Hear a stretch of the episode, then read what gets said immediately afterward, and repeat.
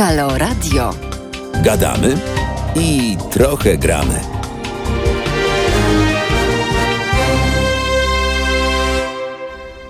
Już. Dobry wieczór Państwu. Konrad Szołajski, Halo Radio. E, Mój program od e, kilku już tygodni nazywa się Pogotowie dla Kultury i w dalszym ciągu będziemy się zajmowali kulturą, bo ten temat jest mi najbliższy, a ludzie kultury są dalszym ciągu e, w dużym kłopocie. E, Marcin Celiński kilka minut temu opowiadał o zdejmowaniu restrykcji i o tym, że one niekoniecznie są zdejmowane w dobrym momencie, e, ponieważ e, ilość zakażeń, ilość chorych paradoksalnie wzrasta. Wtedy, kiedy było ich mniej, to nam narzucano te restrykcje, a teraz, kiedy jest tego więcej, to jesteśmy w sytuacji takiej, jakby to powiedzieć, rozluźniania tego wszystkiego, co być może zaowocuje e, skutkami niezbyt dobrymi, czy wręcz fatalnymi. I niewątpliwie może to wpłynąć na kulturę i e, obecne e, dyrektywy władz mówiące o tym, że już można e, i otwierać kina, i wychodzić na plany filmowe, nie są do końca, jakby to powiedzieć, chyba przemyślane, a w każdym razie brakuje tutaj bardzo wiele szczegółowych e, i zapisów, i wskazań, i y, konsultując się z kolegami, dowiedziałem się, że no, to wszystko nie wygląda tak różowo. Oczywiście nie jest łatwo. To nie tylko Polska, cała Europa, w zasadzie cały świat znajduje się w tej sytuacji, no ale my zwracamy uwagę na to, co się dzieje u nas. Y, Ja widzę, że starzy znajomi się pojawili, więc witam i kapitana Stratforda, e, i witam także Mirgo Milecza, i Nightbota, i Magwyspę, e, i wszystkich tych, którzy zechcą e, dzisiaj słuchać naszego programu. Zapraszam do dzwonienia. Telefon 22 39 059 22. Zapraszam do pisania na czacie. Będę starał się odczytywać i ewentualnie jakoś komentować, jeśli będę potrafił oczywiście. E, I także działa e, mail teraz e, małpa halo.radio lub szalajski małpa halo.radio. Jako, że już pierwszy gość jest chyba połączony, to bym chciał y, zaprosić za chwileczkę przedstawicielkę no, mojej branży, nie ma co ukrywać, to jest moja koleżanka, e, ale koleżanka, która ma spore doświadczenie, której dorobek cenię i która wczoraj bardzo ciekawie na takim spotkaniu filmowców, które było w internecie, organizowane przy okazji Festiwalu Krakowskiego. To jest taki mm, sposób komunikacji co roku y, realizowany właśnie tam, a tym razem no nie do końca, bo to wszystko było y, bodajże na Zoomie, ale w każdym razie kilka osób y, wybranych z naszego środowiska reprezentujących rozmaite profesje i Stowarzyszenie Filmowców, i producentów, i animatorów, i właśnie dokumentalistów wymieniało swoje poglądy. Bardzo ciekawie tam mówiła Litka Duda i dlatego postanowiłem ją zaprosić, szczególnie, że moim zdaniem, i tak zresztą wynikało z jej wypowiedzi, dokumentaliści są w wyjątkowo trudnej sytuacji. No to chyba tyle wstępu. A, jeszcze chciałem podziękować wszystkim tym, którzy nas wspierają i prosić o to, żebyście nas wspierali dalej, bo inaczej ten głos zamilknie. Także serdecznie dziękuję za dary dla naszego radia i bardzo proszę o jeszcze, bo rzeczywiście sytuacja jest trudna. E, Wszyscy jesteśmy w trudnej sytuacji, ale nas po prostu bez Waszego wsparcia nie będzie. No, to już tyle może wstępu. Witam serdecznie Litkę Dudę. Czy możemy się połączyć? Litko, czy mnie słyszysz? Halo, halo? Halo, halo? Halo? Halo, halo? O, jesteś. Litka Duda, teraz e, e, na antenie. E, Powiedz, bo ty lepiej to zrobisz ode mnie, w kilku słowach, co ty właściwie robisz, na czym polega praca reżysera dokumentalisty, czyli takiej dokumentalistki, tak? Dbajmy o te końcówki żeńskie. No, kim ty jesteś, tak dla słuchaczy? E, To znaczy, ja jestem e, reżyserką e, filmów dokumentalnych. E, Równocześnie zawsze także? Scenarzystką.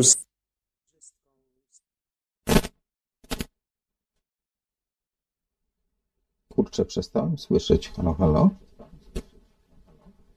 Hal Czy ty mnie, ty mnie słyszysz, Asiu? Ty mnie słyszysz, Asiu? yy, tak, tylko nie słychać. Tuż obok Właśnie, Ja nas, przestałem słyszeć którzy mają, którzy mają po prostu historię e, wartą op- opowiedzenia, która jest na tyle ważna, nie tylko dla nich, ale tak, że może być ważna dla widza, może być Y, Słuchaj, Asiu, czy ty mnie słyszysz? Bo coś jest niedobrego z tym połączeniem. Technicznie. Ja przynajmniej Yy, tak, ja cię dobrze słyszę, natomiast panią urywa. to spróbuj y, wyjaśnić z Litką, na czym polega problem, bo nie ma sensu, żeby ona mówiła rzeczy, które są bardzo ważne, a których słyszymy jedną trzecią. Halo, halo? Dobrze, ale to robimy najpierw przerwę, czy? E, Słuchaj, to wobec tego tak, e, może puśćmy piosenkę, a ty wyjaśnij, na czym to polega, ewentualnie inaczej się połączmy, tak? Ja bym e, posłuchał teraz krótkiej piosenki Karaś i Rogucki 1996, a ty spróbuj może z Litką wyjaśnić, na czym polega techniczny problem. Dobrze?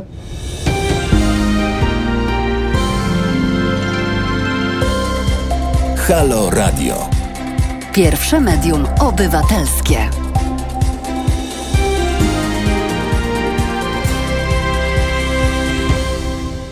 Już. E, Dobry wieczór, witam jeszcze raz, tak troszkę nietypowo, bo mieliśmy chwilę przerwy z powodów technicznych. Prawdopodobnie burza nam zakłóciła połączenie, ale zdaje się Lidia Duda znowu jest e, na linii i nam będzie opowiadała, co to znaczy być reżyserką, dokumentalistką. Litko, czy mnie słyszysz? E, Tak, słyszę. Halo? E, Tak, słyszę. Bardzo Witam- prosimy, witam po- serdecznie powiedz jeszcze raz. jeszcze- Witam mhm. serdecznie jeszcze raz. Proszę, proszę, mów. Nie, ja się przywitałam powtórnie, chyba już potrójnie. Jasne. To teraz po prostu powiedz, kim jesteś, po to, żebyśmy dobrze rozumieli, na czym polega Twoja, zresztą także i moja praca. E, Jestem reżyserką filmów dokumentalnych, równocześnie także scenarzystką e, wszystkich swoich filmów, to znaczy, że na podstawie moich scenariuszy one powstały.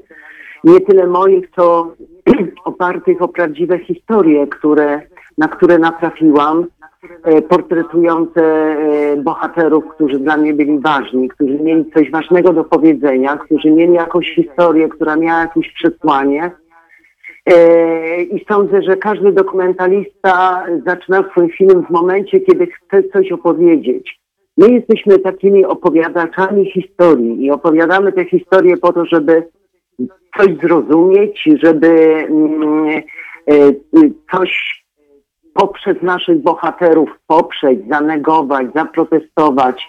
To jest nasz sposób na, na taki dialog z rzeczywistością, na dialog z tym, y, z czym się stykamy y, i z czym stykają się nasi bohaterowie. Jesteśmy trochę pośrednikiem, prawda? Bo to nie nasza historia, to nie, nie, nie film nie autobiograficzny, ale właśnie nasi bohaterowie dają nam możliwość zabrania głosów y, w wielu sprawach. I to, co mają do powiedzenia, z jakichś powodów musi być ważne, żebyśmy chcieli zrobić film i, i zawalczyć o to, żeby, żeby ten film równocześnie był kinem, żeby, żeby miał odpowiedni obraz, muzykę, montaż. Eee, no to chyba tak w skrócie. No tak, to, to ja może to spróbuję troszkę uzupełnić, bo ja akurat jestem takim człowiekiem, który nie trzyma się tylko jednego gatunku, bo uprawiam zarówno e, kino dokumentalne i to przez ostatnie lata chyba najbardziej to realizowałem, ale także robiłem fabuły, być może teraz do tego wrócę, ale także piszę i tak dalej. I ja mam pewien taki ogląd ogólniejszy i myślę, że te wszystkie gatunki, a dokument tutaj wcale nie jest inny, łączy mm, pewien element bardzo istotny, mianowicie dlaczego to się określa jako sztukę. Ponieważ e, opowieści o ludziach, o tych naszych bohaterach, którzy powierzają nam swoje życie, swoje historie, e, są nie tylko relacją, ale także pewną metaforą. Dobry film dokumentalny, czy po prostu film dokumentalny, to nie jest tylko reportaż, to nie jest tylko zapisanie pewnej historii. To jest zapisanie takiej historii, która przekłada się także na pewną e, szerszą, ogólniejszą refleksję o życiu, filozofii i tak dalej. Czy się ze mną zgodzisz? Tak, jak najbardziej. To znaczy, rozmawiamy o film, filmie, filmie dokumentalnym, prawda? Nie o formach telewizyjnych, publicystycznych i tak dalej, tylko rozmawiamy o filmie dokumentalnym. E, I e, jakby dobry film dokumentalny, on musi być jak e, fabuła. E, musi mieć swoje punkty zwrotne, musi mieć swoją dramaturgię, musi mieć dostosowany obraz do tego, o czym opowiadamy. On e, ma unieść naszego bohatera i zrobić z tej historii po prostu kawał kina. Takie jest marzenie każdego dokumentalisty i do tego się dąży. My coraz częściej współpracujemy e, z, z operatorami, którzy pracują i przy fabule, i przy dokumencie. Coraz częściej siadamy e, przy stole montażowym e, z reżyserami montażu, którzy e, montują e, fabuły. E, Dobre kino jest jakby ponadgatunkowe, prawda? E, To, że u nas występuje mm, bohater z krwi i kości, e, w sensie nie aktor, tylko e, e, nazwijmy naturszczyk, tak?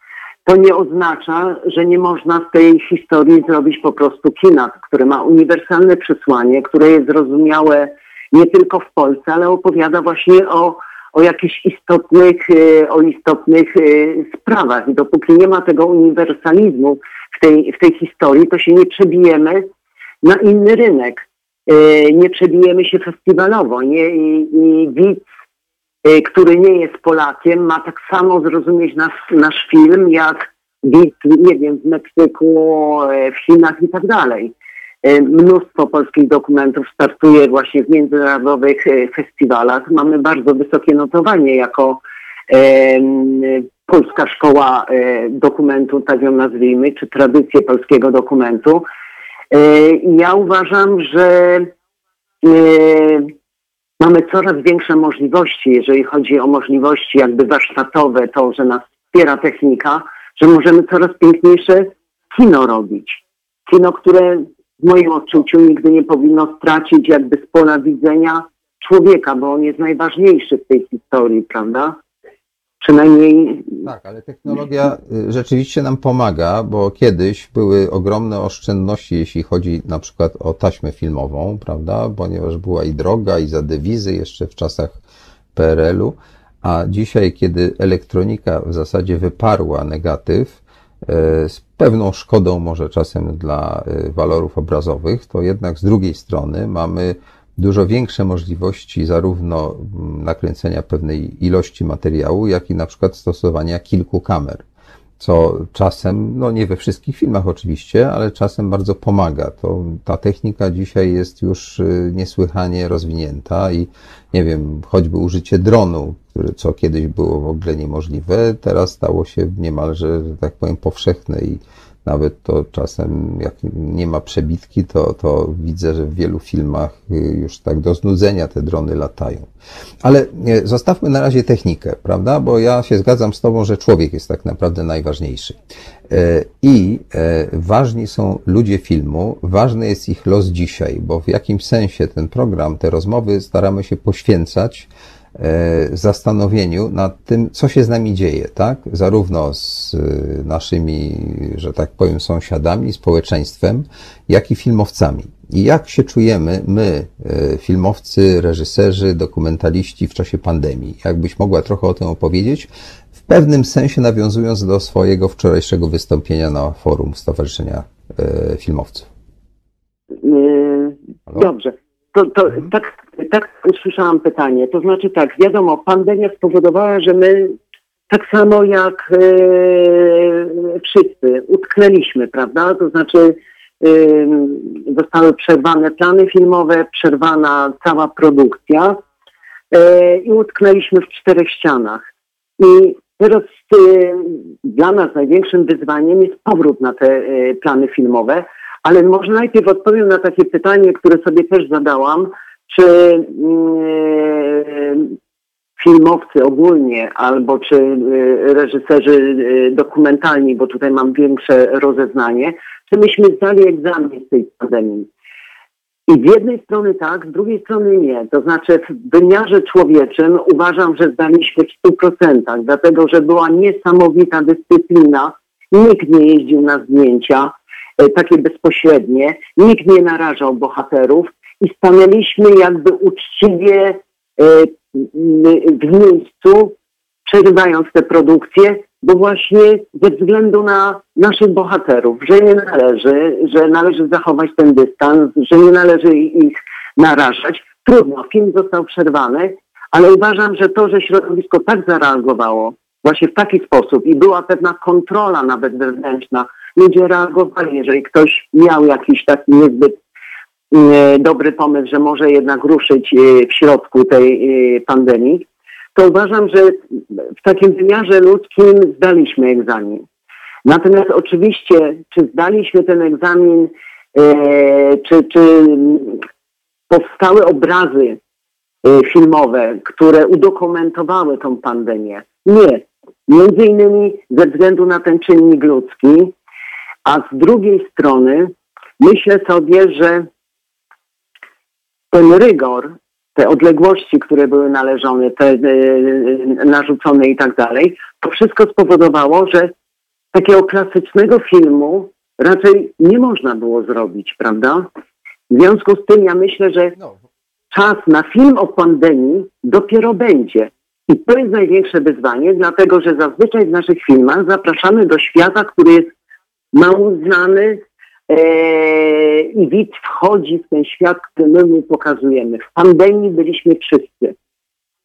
E, wszyscy tego e, doznaliśmy. I teraz pytanie, jaki zrobić film, żeby to zjawisko rzeczywiście pokazać, to czym nagle myśmy się znaleźli, w tych szklanych kulach, prawda, porozdzielani, każdy jakby w swojej osobnej. Więc myślę, że ten film o pandemii, jeżeli powstanie, to powstanie po pewnym czasie, bo owszem, powstają takie produkcje bazujące na Skype'ie, na Zoomie, e, ale czy to już jest e, końcowy obraz, e, który by nas zadowolił? Ja myślę, że nie. To jest pewnego e, e, jest to już coś, ale w moim e, odczuciu film dopiero powstanie. Film dopiero powstanie, bo teraz nie ma takich możliwości. No, zdecydowanie y, potrzeba czasu, żeby wymyśleć, żeby nakręcić, żeby to jakoś ułożyć, to, to jest oczywiste. Natomiast są pewne zdarzenia, które trzeba po prostu zapisać, jeszcze nie jako film, prawda, tylko jako materiał. Ja pamiętam, że kiedyś tego rodzaju misję pełniła e, wytwórnia filmów dokumentalnych. W jakimś sensie nawet kronika filmowa była takim zapisem, bo przecież nie zawsze chodzi przy tym, e, przy tej pracy dokumentalnej o to, że od razu mamy zrobić film.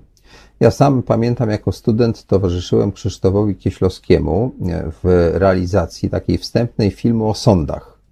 E, On realizował według pomysłu bardzo takiego szlachetnego, a zarazem sprytnego, e, film o tym, jak w stanie wojennym sądy mm, wydawały wyroki w sprawie no, tych y, protestujących ludzi, których aresztowała milicja ówczesna. E, I y, pamiętam, że mm, właśnie w tych sądach tam siedziałem z Kieślowskim, była wielka kamera, bo wtedy to była taka ogromna kamera dźwiękowa i sędziowie wydawali wyroki bardzo łagodne, ale właśnie wtedy, kiedy kamera była, bo ona wywierała niejako presję. I Kieślowski w końcu zrezygnował z realizacji tego filmu, ponieważ wyszło na to, że to w ogóle wszystko jest fantastycznie, e, y, bo, bo te wyroki były stosunkowo łagodne, a one nie były takie łagodne, kiedy nie było kamery. I nawet pamiętam, że potem wysyłał kamerę tylko po to, żeby pomagać ludziom no, żeby po prostu ci, ci aresztowani mieli pewnego rodzaju takie zabezpieczenie. Ale to jest właśnie pokaz tego, że czasem kino dokumentalne coś rejestruje, z czego nie rodzi się film, ale ten materiał zostaje i można go do czegoś użyć. I pytanie jest takie, czy dzisiaj jesteśmy w stanie, czy możemy wyjść poza no, te takie, bo ja wiem, przekazy streamingowe, prawda? Bo dzisiaj każdy może przy pomocy smartfona na, na Facebooku coś tam puszczać, tylko takie jakby rejestracje, które potem mogą nam się przydać. Co o tym myślisz? Czy, czy, czy mamy na to szansę? Bo o czymś takim trochę mówiłaś wczoraj na tym spotkaniu. Uważam, że tak. No, dokumentaliści jednak mają w sobie tę e, umiejętność dostosowywania się do sytuacji, bo przecież e, non-stop e, stykamy się na planie z sytuacjami, które nas zaskakują, nieprzewidywalnymi i tak dalej. Natomiast ja może opowiem na przykładzie swojego filmu, dobrze? Dlatego, że byłam w trakcie zdjęć i e, nagle... Zapytać o to, to mów. Mhm. I nagle pandemia, prawda? Bo ja uważam, że y, przy każdej produkcji trzeba mieć plan B. Nawet przed pandemią tak uważałam, dlatego że jeżeli nam się coś wywróci w projekcie, a nie mamy planu B, to nie skończymy filmu. Więc zawsze trzeba mieć tą taką wersję jakby zapasową e, na wypadek, e, jakby czarny scenariusz nagle zaczął się e, e, rozgrywać. No i zaczęłam realizować film, w dodatku z małymi dziećmi, bo z siedmioletnimi.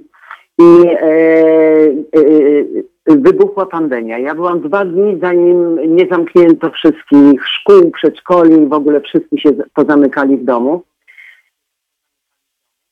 I wydawałoby się, że teraz już e, w życiu nie skończę tego filmu, ale dzięki temu, że moi bohaterowie, te dzieciaczki, E, bo one są w były w szkole z internatem, e, czyli jakby w cudzysłowie zaczęły studia w wieku siedmiu lat, opuściły swoje rodzinne domy i rozpoczęły naukę w szkole z internatem. To te moje dzieciaki w trakcie pobytu w szkole często dzwoniły do rodziców. E, Myśmy mieli e, takie telefony. Co prawda nie, nie traktowałam ich jako bardzo ważnych podczas zdjęć, ale nagle się okazało, że sam fakt, że mieliśmy już te telefony typu dziecko-dom, nagle się okazało, że jak y, rozpętała się ta pandemia, to dzieci zaczęły za sobą tęsknić i zaczęły się telefony dziecko-dziecko.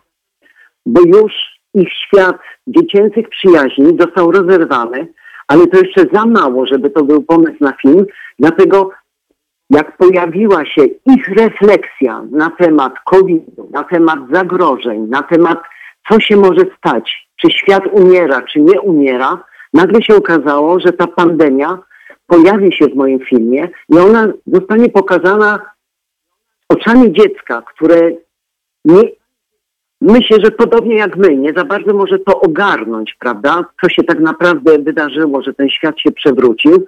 I to jest ten plan B. Więc myślę, że wielu reżyserów dokumentalnych, e, którzy mają przerwane produkcje, jednak ta pandemia w ich filmach się pojawi w jakiś sposób. Ja mogę mówić na przykładzie swojego filmu. I dla mnie porażające było to, że nie spodziewałam się, przyznam szczerze, że siedmioletnie dzieci mogą mieć tak precyzyjne informacje i mogą dysponować taką wiedzą na temat COVID-u, który się pojawił i który nie jest czymś, z czym miały już wcześniej do, do czynienia. One jak małe pisklęta wyczuły zagrożenie i natychmiast skupiły się na tym, bo uznały, że to jest coś e, ważnego. Siedmioletnie dzieci zaczynają o tym rozmawiać, zaczynają sobie opowiadać, kto skąd przyjechał, co się dzieje e, i próbują to ogarnąć e, w tym swoim dziecięcym świecie i wrażliwości i pewnej wiedzy, którą mają, a która jest za mała, żeby to wszystko ogarnąć. I myślę, że właśnie ten plan B, który nam się pojawił w trakcie tej produkcji, pozwoli zrobić na pewno inny film. On już nie będzie taki, jak e, zamierzaliśmy. E, przewrócił nam się ten film do góry nogami, ale nie sądzę, żeby był gorszy. Pewnie będzie e, głębszy poprzez to, że e, ten COVID jest naszym wspólnym doświadczeniem. I jeżeli tą sytuację spróbują jeszcze opowiedzieć siedmiolatki poprzez swoje emocje, to wydaje mi się, że, e, że warto jakby nawet w tej izolacji, bo nadal nie byłam na zdjęciach u dzieci, ale nadal, e, to znaczy nagrywamy ich rozmowy telefoniczne. Mamy zainstalowane właśnie aplikacje, które nagrywają rozmowy telefoniczne dzieci pomiędzy sobą. Zrobiliśmy jakieś uciekające zdjęcia, e, w sensie martwy, opustoszały ośrodek. E, zrobimy kreacyjne zdjęcia właśnie do tej izolacji i w momencie, kiedy rodzice nas zaproszą, rodzice, to my pojedziemy do dzieci tam, gdzie one obecnie są, prawda? E, czyli w tych domach rodzinnych, czy e, w jakichś domkach letniskowych, żeby z daleka od miast i tak dalej. Ale dopiero wtedy, jak nas bohaterowie zaproszą. Bo to jest ten moment, kiedy to nie reżyser yy, powinien mówić, przyjadę do Państwa. To bohater powinien powiedzieć, mogą Państwo do mnie przyjechać, a my musimy zadbać o to, żeby i dla naszego bohatera ta sytuacja była bezpieczna i dla nas była bezpieczna. Musimy inaczej pracować na planie. Musimy używać innych obiektywów, musimy zadbać o e, odpowiednie odległości, e, bo po prostu musimy się troszczyć o naszych bohaterów i równocześnie musimy się troszczyć o e, ekipę. E, ale Myślę, że wielu reżyserów y, ten wątek y, pandemii jednak y, gdzieś umieści w swoich filmach, także w tych, które są teraz przerwane, jakoś wykombinują, żeby nie powstała czarna dziura, bo jednak to niesamowite doświadczenie, przez co przechodzimy teraz i nie można go zignorować. No niestety ono jest takie, że zamknęło nas w czterech ścianach I pewnie. Ja się cał, całkowicie z Tobą zgadzam, e, ale chcę, chcę Ci przerwać, bo mam jeszcze jedno pytanie, a ze względu na to, że zapraszamy kilku gości, to będę musiał w którymś momencie, niestety, chociaż mam nadzieję, że kiedyś jeszcze się u nas pojawisz, naszą rozmowę zamknąć. Więc po y, bardzo fajnym, że tak powiem, opisie tego, co zrobisz, już jestem ciekawy, jak przez te dzieci to opowiesz. Chciałem Ci jeszcze zadać takie pytanie, bo to jest y, ten nieustający problem dokumentalistów, y, kiedyś nawet może i lepiej rozwiązywany w PRL-u, mianowicie, że jak była ta wytwórnia, kontrolowana oczywiście przez władzę, cenzura i wszystko, mówię o wytwórni na Chełmskiej, czyli wytwórni filmów dokumentalnych, to y, na przykład y, tak się zdarzyło, że jak się zaczęły strajki na wybrzeżu, to y, Chodakowski i Zajączkowski, dwaj mm, Andrzeje, poszli tam do redaktora, który ich puścił z ekipą i to chyba bardzo szybko poszło, także dzięki temu mógł powstać film Robotnicy 80. Oczywiście to troszkę była taka e, sytuacja nadzwyczajna i nie zawsze powstaje z tego wielka sztuka, to Nigdy nie wiadomo, co nam się tak do końca uda, co nie, ale to był film niesłychanie ważny. On zapisał takie mm, e, wspólnotowe doświadczenie Polaków, mogę tak szumnie powiedzieć, ale to dzięki temu, że ten mechanizm wtedy działał, prawda? Wytwórnia mogła po prostu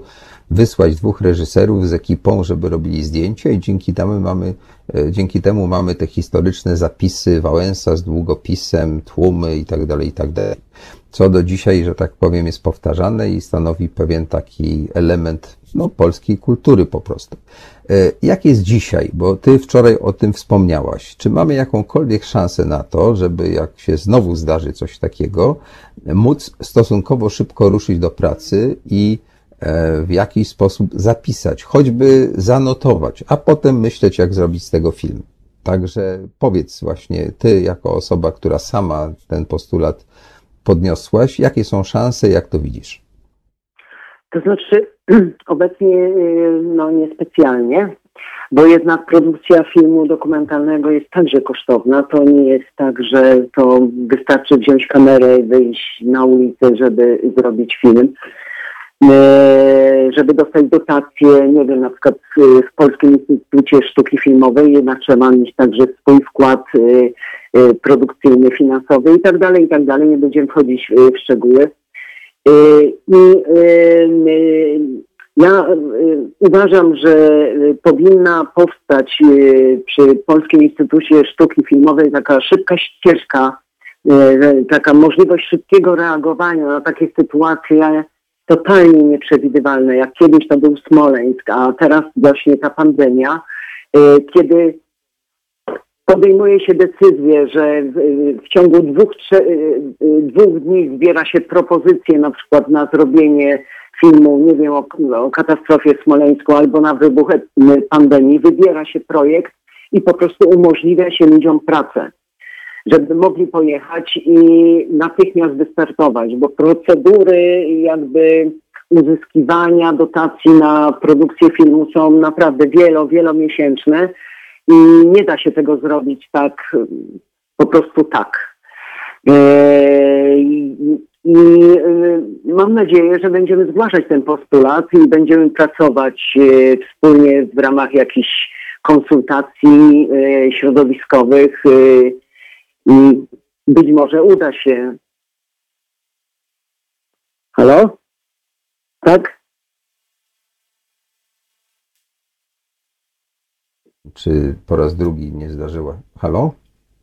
Tak, tak, jestem. Jestem na. Jesteś. Tak. Y, Dobrze, bo przez chwilę by- był zanik. Czyli rozumiem, y, podsumowując y, ten element, y, czy ten wątek, możemy mm, liczyć na to, że przynajmniej ty, a także inni koledzy będą próbowali y, postulować, a może skutecznie nawet, żeby taka ścieżka szybkiego dostępu powstała. Ja mogę powiedzieć, że wiem o produkcji HBO, która z inicjatywy stacji HBO y, jest realizowana przez kilku naszych kolegów. I w szkołach filmowych y, studenci ruszyli do pracy pod opieką e, swoich opiekunów i ja już sam widziałem dosyć ciekawe efekty tej pracy. Także y, natura nie znosi próżni. Jeśli y, Instytut Filmowy tego nie będzie robił, to w innych miejscach widzę, że, że, że tego rodzaju inicjatywy się pojawiają, a myślę, że PISF powinien się tu znaleźć. Litko, ja dzisiaj chcę Ci już podziękować, bo myślę, że to było bardzo ciekawe i jak czytam tutaj komentarze, Robson 222 na przykład bardzo czeka na Twój film z dziećmi, bo właśnie przez te dzieci pokazanie pandemii może być szczególnie jakieś takie odkrywcze, więc myślę, że bardzo dobrze zapromowałaś swój przyszły film i będziemy pewnie ze słuchaczami czekali, a opowiesz o filmie za kilka miesięcy, czy wtedy, kiedy będziesz go kończyła. A na razie serdecznie Ja mam Ci tak dziękuję i co? Tak, zgadza się. Bardzo dziękuję za rozmowę. Fajnie. Bardzo Ci dziękuję i do usłyszenia. E, Słuchaczy chcę zapewnić, e, że na pewno będziemy starali się jeszcze zapraszać i Litkę Dudę i innych kolegów, którzy w tej sprawie, w tym doświadczeniu brali udział. I może się czegoś dowiemy właśnie, jak e, walczyliśmy z, no, z materią bardzo trudną w czasie pandemii, co nam się udało zrobić, bo myślę, że to bardzo może zmienić nasze kino dokumentalne. Teraz posłuchamy przez chwilkę muzyki. To będzie utwór, e, który za chwileczkę tutaj sobie znajdę. A następny nasz gość e, będzie z kolei też z branży e, filmowej, dokumentalnej, ale producentka, czyli osoba, która właśnie bardziej zajmuje się zdobywaniem, no nie tylko pieniędzy, ale w ogóle możliwości pracy, ale także wymyślaniem projektów i tak dalej. Będzie to Marta Duszbabel. A w tej chwili e, zapraszam do wysłuchania kawałka e, muzyki e, Martyna Jakubowicz w domach z betonu.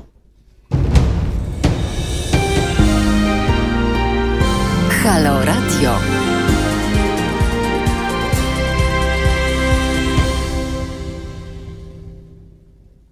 Dobry, dobry wieczór Państwu, Konrad Szołajski, Halo Radio. E, Dzisiaj dalej rozmawiamy o kulturze, o jej problemach, ale także o osiągnięciach. Przed chwilą mieliśmy zaszczyt gościć jedną z bardzo wybitnych realizatorek filmowych, reżyserkę, dokumentalistkę Lidię Dudę, która nam opowiedziała o tym, jak jej film się zmienia, ten, który realizuje i który musiała przerwać, ale nie do końca, jak się zmienia i jak e, perspektywa pandemii wpłynie na to, co zobaczymy na ekranie. E, Mam nadzieję, że za kilka miesięcy, może w przyszłym roku ten film zobaczymy. A teraz chciałem Państwu podziękować za komentarze, bo tutaj czytam o tym, że oglądacie nie tylko polską, ale także irańską telewizję i bardzo fajne rzeczy piszecie, mianowicie e, o tym, że obraz często mówi więcej niż słowo i że artyści bardzo często opowiadają zupełnie inne rzeczy przez swoje obrazy, przez e, wizualną stronę filmu, niż to, czego władze oczekują. Bo prawdopodobnie w takich krajach właśnie jak e, Iran czy Irak może tam być bardzo różnie z tym przekazem, a jednak filmowcy dają sobie z tym jakoś radę. E, Dziękuję bardzo za e, to, że nas słuchacie, że nam pomagacie, że wpłacacie na to radio. Przypominam, że możecie do nas pisać e, lub dzwonić 22 39 059 22 albo teraz małpa halo.radio lub na czacie. I zapraszam do rozmowy, bo mam nadzieję, że już się połączyliśmy, producentkę Martę Duszbabel. Dobry, Dobry wieczór, Państwu. Marto. Dobry wieczór, dobry wieczór Konradzie i dobry wieczór Państwu. Świetnie. To słuchaj, tak jak Litka, powiedz nam, kim jesteś? Właściwie na czym polega Twoja praca, tak żebyśmy wszyscy zrozumieli. No ja wiem oczywiście, ale to jest dla słuchaczy. Więc e, mniej więcej rok temu przekwalifikowałam się, bo należy o tym wspomnieć. Do tej pory wcześniej zajmowałam się głównie, byłam redaktorem odpowiedzialnym i koproducentem wielu filmów dokumentalnych, natomiast mniej więcej rok temu zmieniłam barwy i przeszłam do produkcji filmowej i telewizyjnej. W tym momencie tak nam zajmuję się No właśnie, produkcją, e, ale przede wszystkim seriali dokumentalnych, filmów dokumentalnych, a mam nadzieję, że niedługo e, też e, liznę trochę tego fabularnego tematu. To chyba tyle. No tak, to bardzo krótko, ale spróbuj nam powiedzieć, na czym właściwie polega praca producenta, ponieważ e, no, dość tajemnicze rzeczy robi reżyser, czasem to jest prawie że magia, prawda? Kontakt z bohaterami, wybieranie tematu, to taki troszkę poeta. Natomiast producent to jest taki człowiek, który stoi pomiędzy tymi, co dają pieniądze, a tym właśnie poetą, reżyserem. I właściwie na czym polega ta taka codzienna praca producenta? Tak konkretnie powiedz. Dobrze, to codzienna praca producenta polega między innymi na tym, że wyszukujemy projektów, tematów ciekawych, bo nie zawsze to jest tylko tak, że jakby projekty pozyskujemy bezpośrednio od reżyserów, ale też my pracujemy nad tym, żeby tworzyć te projekty. Bardzo często mm, robiąc research mniej więcej rynku, stacji telewizyjnych, rozmawiając z nimi, jaki content mniej więcej potrzebują. E, Pod to też właśnie budujemy całą jakby linię projektów, formatów, które potem chcemy sprzedać. Momencie, kiedy oczywiście przychodzi do nas reżyser z jakimś pomysłem, czy to serialu, czy to filmu dokumentalnego, no to pierwsze kroki, jakie robimy, to rozbudowanie takiego projektu, czyli zaczynamy tą całą ciężką pracę z reżyserem, tym cudownym twórcą e, i formatujemy poniekąd jego pomysł. Tak go formatujemy, żeby móc go po prostu sprzedać lub na przykład złożyć wniosek e, do instytucji takiej jak Polski Instytut Sztuki Filmowej. E, Na czym polega to formatowanie? To nie jest tylko kwestia jakby nauczenia, znaczy napisania odpowiednio przez reżysera danego dokumentu. To jest tak samo zbudżetowanie tego, co chcemy zrobić na bazie pomysłu, e, pomysłu reżysera. E, A potem tak naprawdę przygotowanie całej garści dokumentów, które są potrzebne, żeby pozyskać pieniądze i żeby zacząć rozmawiać z tymi, którzy te pieniądze mogą nam dać. W naszym przypadku mm, z reguły rozmawiamy z, właściwie ze wszystkimi w tym momencie, można powiedzieć. E, Proszę pamiętać, że każdy, każda stacja e, ma jakby inny pomysł na to, jakie dokumenty czy seriale widzi, widziałoby u siebie na antenie. Więc to jest taka praca, którą wykonujemy na samym początku, po to, żeby dany projekt od, mm, przedstawić tej stacji, której faktycznie taka tematyka może zainteresować. No i rozpoczynają się te długie rozmowy, żeby pozyskać e, takiego klienta. E, z- reguły to polega na tym, że opowiadamy oczywiście o projekcie, o tym, jakie może przynieść efekty, e, o tym, jak byśmy chcieli na przykład uzupełnić to finansowanie, bo wiadomo, że rzadko jest tak, że tylko i wyłącznie jeden podmiot finansuje na przykład film dokumentalny. Dużo prościej jest, myślę, w przypadku seriali dokumentalnych. No i w momencie, kiedy nam się tak naprawdę to uda, no to rozpoczynamy całą procedurę przygotowania się do produkcji, czyli kwestia i dokumentacji, e, wyboru bohaterów, e, researchu miejsc, w których byśmy chcieli te zdjęcia wykonać. I cała taka długa droga, zanim tak naprawdę mm, nasza ekipa ruszy w miasto, jak ja to mówię. Oczywiście mm, to się bardzo różni w zależności od tego, mm, jaki produkt chcemy sprzedać. Czy jest to serial dokumentalny, czy jest to film dokumentalny. Ja na przykład obecnie pracuję nad serialem dokumentalnym, który postanowiliśmy częściowo sfinansować z zachęt, e, co chyba nie jest zbyt typowe, jeśli chodzi o nasz rynek, bo z reguły jednak filmy fabularne pozyskują finansowanie z zachęt. My postanowiliśmy zrobić to w przypadku Ale serialu w słowo. dokumentalnego. To, Okej, to y, użyj tutaj bardziej takiego bogatego, że tak powiem, słownika i wytłumacz, co oznaczają te zachęty, bo nie wszyscy to przecież wiedzą. E, Jakiś czas temu, wydaje mi się, że to było w zeszłym roku, e, powstała, powstał taki, jak to nazwać, program finansujący e, częściowo produkcję przez państwo polskie. Obsługuje go Polski Instytut Sztuki Filmowej. I to jest taki program, który tak właściwie, żeby prosto Państwu wytłumaczyć, polega dokładnie na tym, że e, musimy zaplanować bardzo dobrze naszą produkcję, rozłożyć ją w czasie, e, wskazać koszty kwalifikowane, które zgodnie z instrukcją zachęt e, takimi kosztami są. Między innymi to są nie wiem, koszty zdjęć, koszty pracy twórców. E, Oczywiście wszystko musi być e, na terenie Polski e, i najlepiej, żeby oczywiście było przy udziale także ekipy twórczej też z Polski.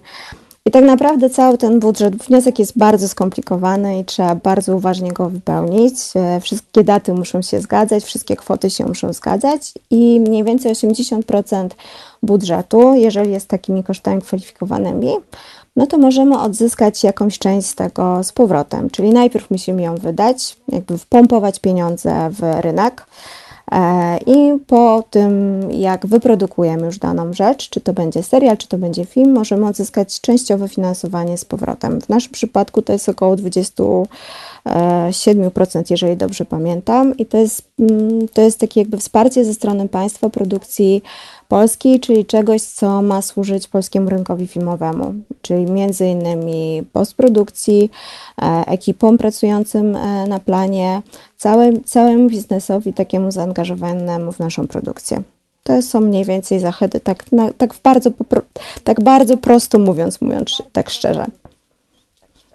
Tak, inaczej to tłumacząc, można chyba powiedzieć tak, że normalnie Polski Instytut Sztuki Filmowej, podobnie zresztą jak inne tego rodzaju placówki w większości y, krajów Europy, mm, oferują zarówno wsparcie na etapie rozwoju projektu, czyli przygotowania, jak i produkcji ale robią to nie w oparciu o już gotowe materiały, tylko te materiały literackie, prawda? Te obietnice, to co jest zapisane, co twórca ewentualnie przedstawi w swojej wypowiedzi ustnej, ewentualnie jakichś nakręconych y, fragmentów, ale to wszystko jest jeszcze takie, dotacji. To tylko w przypadku dotacji. tak, mocno tego- hipotetyczne, tak. Dokładnie. I to jest ten standard. Natomiast zachęty inaczej.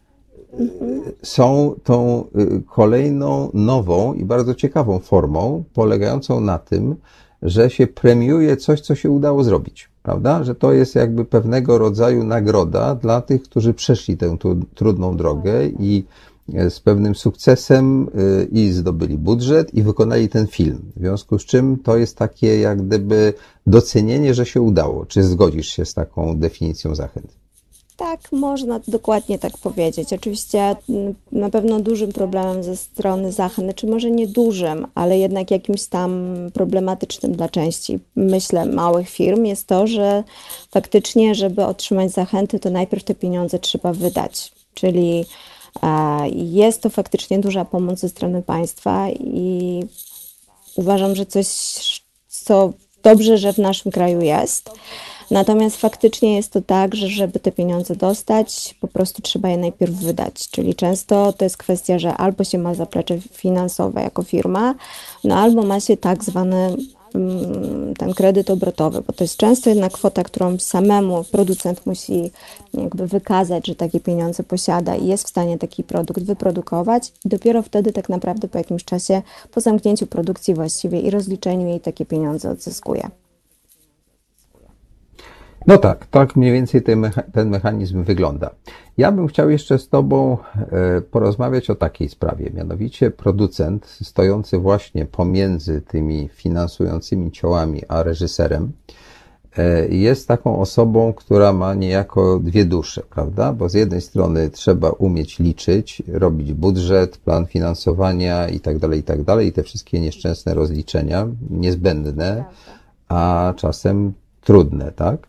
A z drugiej strony, y, no, nie jest to tylko praca księgowego. Tacy producenci są troszkę mało twórczy, czy w ogóle nie są twórczy, natomiast istnieje pojęcie producenta kreatywnego, czyli takiego, który niejako wymyśla projekt. I on e, łapie e, ideę, on znajduje dla tej idei reżysera, prawda? Że nie zawsze jest tak, że to reżyser jest inicjatorem, czasem właśnie producent potrafi to zrobić. I y, gdzieś tam na przykład w Ameryce to był w ogóle taki system, że ci producenci byli takimi lokomotywami i oni dobierali współpracowników. W Europie jest troszkę inna tradycja, w Polsce jest taka bardzo autorska, ale nie zmienia to faktu, że to się y, niejako y, tak jakoś modyfikuje. Prawda? Że dzisiaj producenci zaczynają istnieć nie tylko jako ludzie od słupków i tych wszystkich Exceli, natomiast jako ludzie, którzy mają pewną wizję. To jakbyś mogła coś o tym powiedzieć i na ile ta praca wcześniejsza twoja w telewizji jako redaktorki zamawiającej ci pomogła, prawda? Bo to gdzieś tam trzeba mieć wyczucie, a jaki temat, a jaki artysta może tego się podjąć i tak dalej. Oczywiście, to znaczy mm, ja tak naprawdę pracowałam przez 21 lat w telewizji polskiej i spotkałam na swojej drodze wielu twórców e, filmów dokumentalnych. E, tych starszych, potem tych debiutujących, którzy teraz mają mocno już zbudowane nazwisko.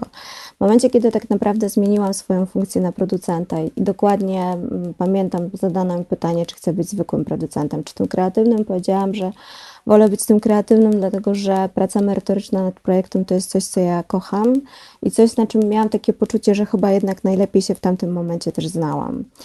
To jest tak, że mm, ja trochę zjeździłam, zjeździłam też świata, to znaczy będąc redaktorem telewizji polskiej, oprócz poznawania rynku polskiego, poznawałam też ten rynek międzynarodowy.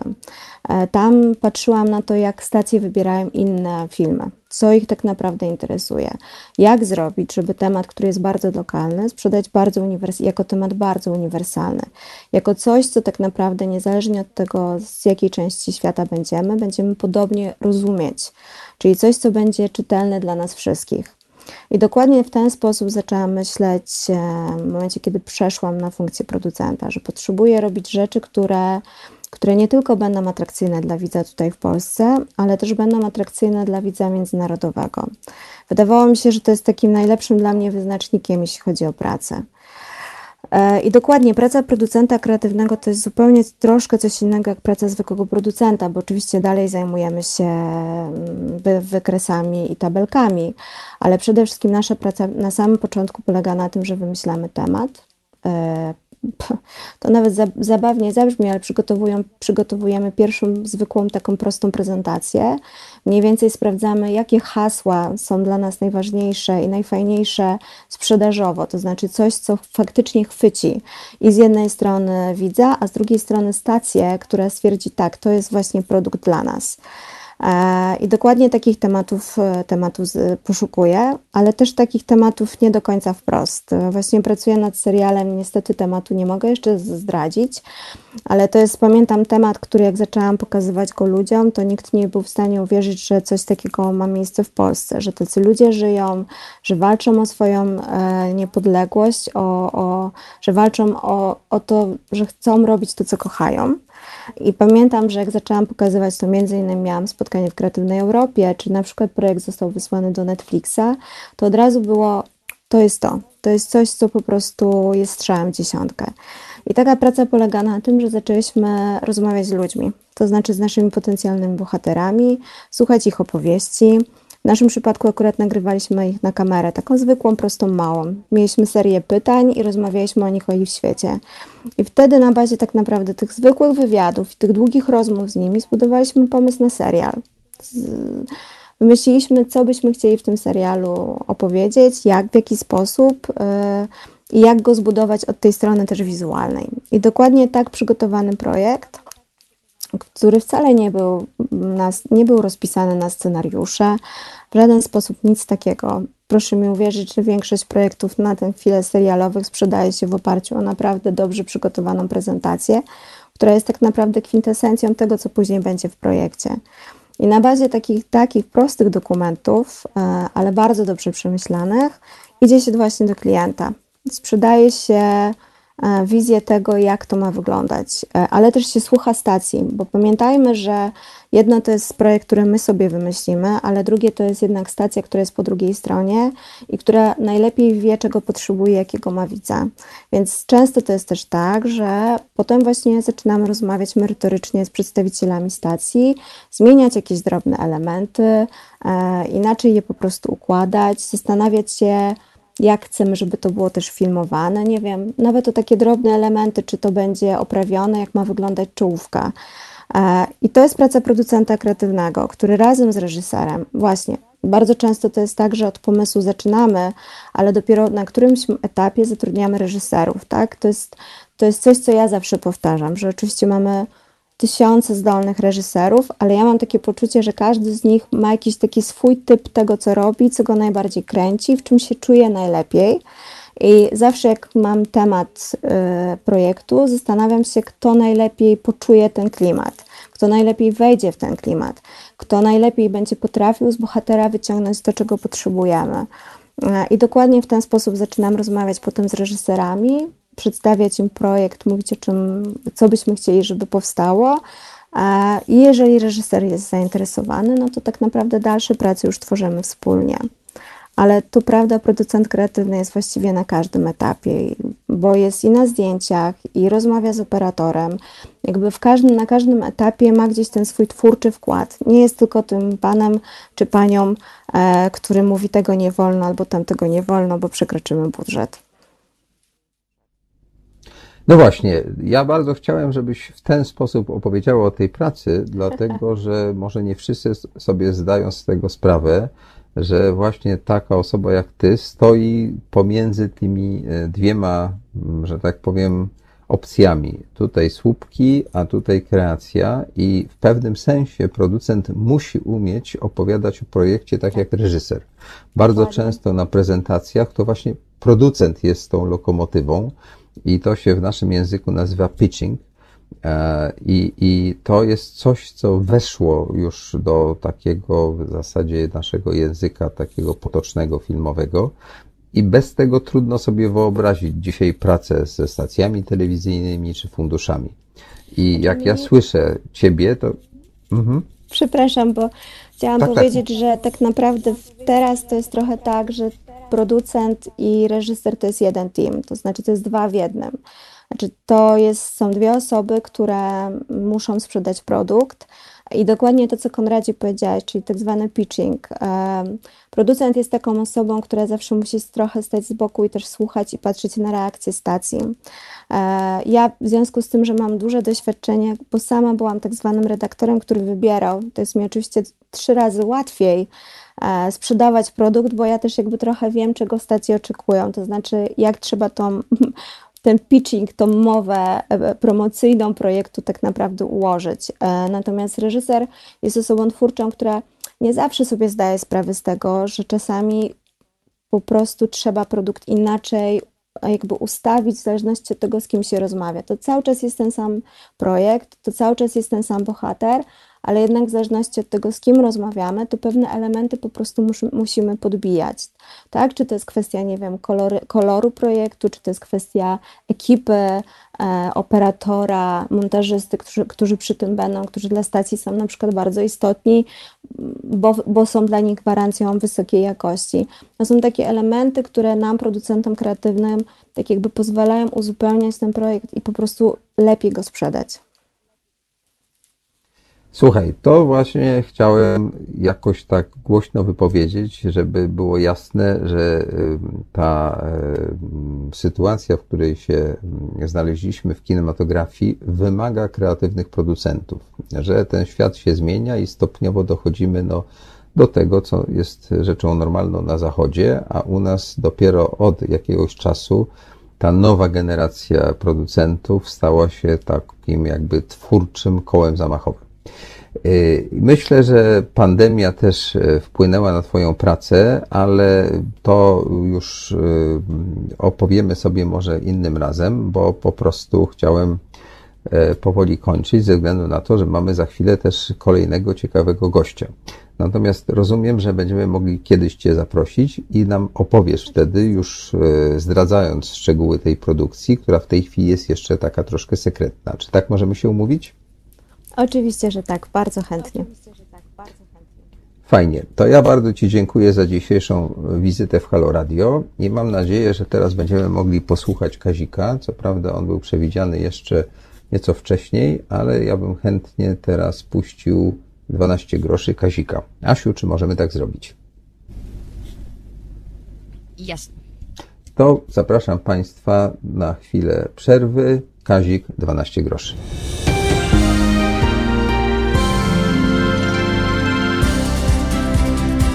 Halo Radio. Pierwsze radio z wizją.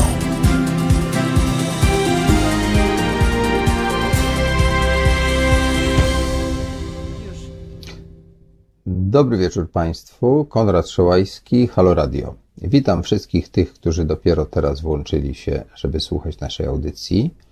E, Dziękuję tym, którzy do tej pory byli z nami i mam nadzieję, że zostaną, bo kolejni bardzo interesujący goście będą opowiadali o tym, jak wygląda kultura, życie ludzi kultury w czasie pandemii i w ogóle, jak my dzisiaj w tej sprawie możemy się znaleźć. Co to znaczy kultura wtedy, kiedy jest taki kłopot? Mam nadzieję, że e, opowieści producenta i producentki i reżyserki były interesujące, a za chwilę przejdziemy do trochę innej dziedziny sztuki. Najpierw chciałem tylko przypomnieć, że jeśli Państwo macie pytania albo komentarze, to ja jestem zainteresowany ich poznaniem.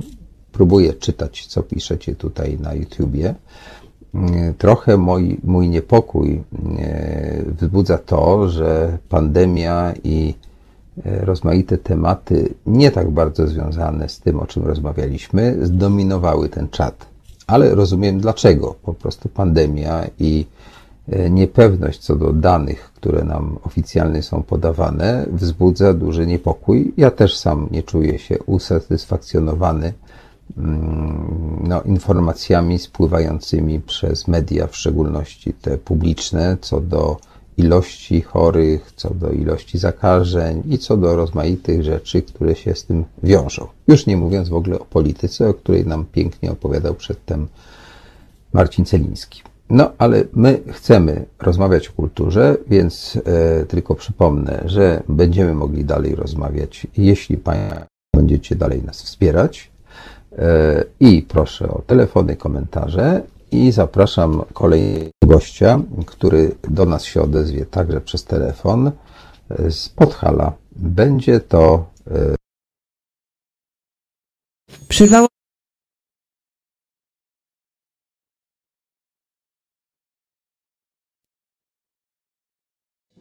Dobry. Jutro. O poranku między siódmą a dziesiątą budzi Państwa dziennikarz i aktywista obywatelski Roman Kurkiewicz, którego serce od samego rana bije po lewej stronie. Halo Poranek od siódmej do dziesiątej. www.halo.radio. Słuchaj na żywo, a potem z podcastów.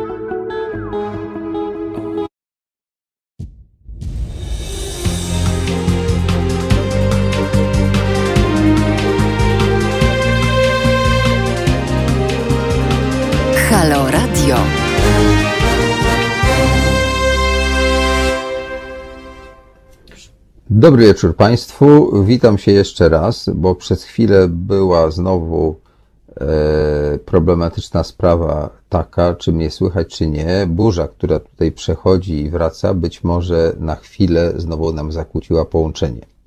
Dziękuję bardzo za e, słuchanie tej audycji. Dziękuję za to, że nas wspieracie i chciałbym teraz już przejść do naszego gościa. Jest to mój dobry znajomy z Zakopanego, dziennikarz, pisarz, egiptolog Maciej Pinkwart. Maćku, czy mnie słyszysz? Słyszę, dobry wieczór Konrad, dobry wieczór Państwu. E, Maćku, jesteś w pewnym sensie takim człowiekiem renesansu, bo uprawiałeś w życiu wiele zawodów. E, Zaczynałeś od studiów, są takie dosyć egzotyczne w kontekście tego, co potem się w Twoim życiu działo. No a rozumiem, że zdecydowałeś się zamieszkać e, w stolicy polskich gór i poświęciłeś Zakopanemu bardzo wiele lat i napisałeś wiele książek, e, zarówno takich bardziej dziennikarskich, jak i potem takich bardziej, powiedziałbym, mm, literackich, fikcyjnych. Opowiedz nam trochę o swojej twórczości, tak żeby słuchacze, ci, którzy nie sprawdzili Wikipedii, mogli wiedzieć, z kim mają do czynienia. Ja myślę, że tu nie trzeba sprawdzać Wikipedii, bo pewne sprawy są takiej ogólnej natury. Y, Jak powiedziałeś, jestem y, po studiach egiptologicznych, no a potem po studiach dziennikarskich. No i pracowałem jako dziennikarz, bo najpierw jako egiptolog nie bardzo mogłem, bo nie było jak wyjechać.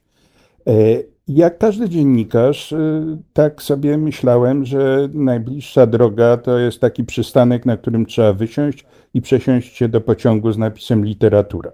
Ale jak każdy dziennikarz do tej literatury przechodzi się, przechodziłem ja przynajmniej, no tak, y, poprzez literaturę faktu. Stąd też te pierwsze moje książki, które mm, ukazały się drukiem już, gdy byłem w Zakopanem, no to były książki o charakterze przewodnikowym, no a potem literatura faktu związana z historią Zakopanego. A potem tak y, mm, od tego Zakopanego mm, uciekałem, żeby już nie być całe życie panem od Zakopanego. Uciekałem najpierw blisko, bo na Słowację, potem troszeczkę dalej, bo do Paryża i w ogóle do Francji. No a potem to już jednak był Egipt i tamte mm, okolice. No i oczywiście w pewnym momencie dojrzałem do tego, żeby porzucić y, sprawdzone fakty i zająć się faktami wymyślonymi. No i tak doszedłem do beletrystyki, nie porzucając absolutnie tamtych rzeczy, które robiłem. No a poza tym jeszcze cały czas zajmowałem się takim pograniczem dziennikarstwa literatury, no bo już pomijam te, te sprawy, że byłem przez wiele lat pracownikiem y, wielu stacji radiowych, y, czy współpracownikiem, co zresztą zawsze bardzo lubiłem, bo radio było zawsze dla mnie najmilszym, najbliższym i najsympatyczniejszym medium.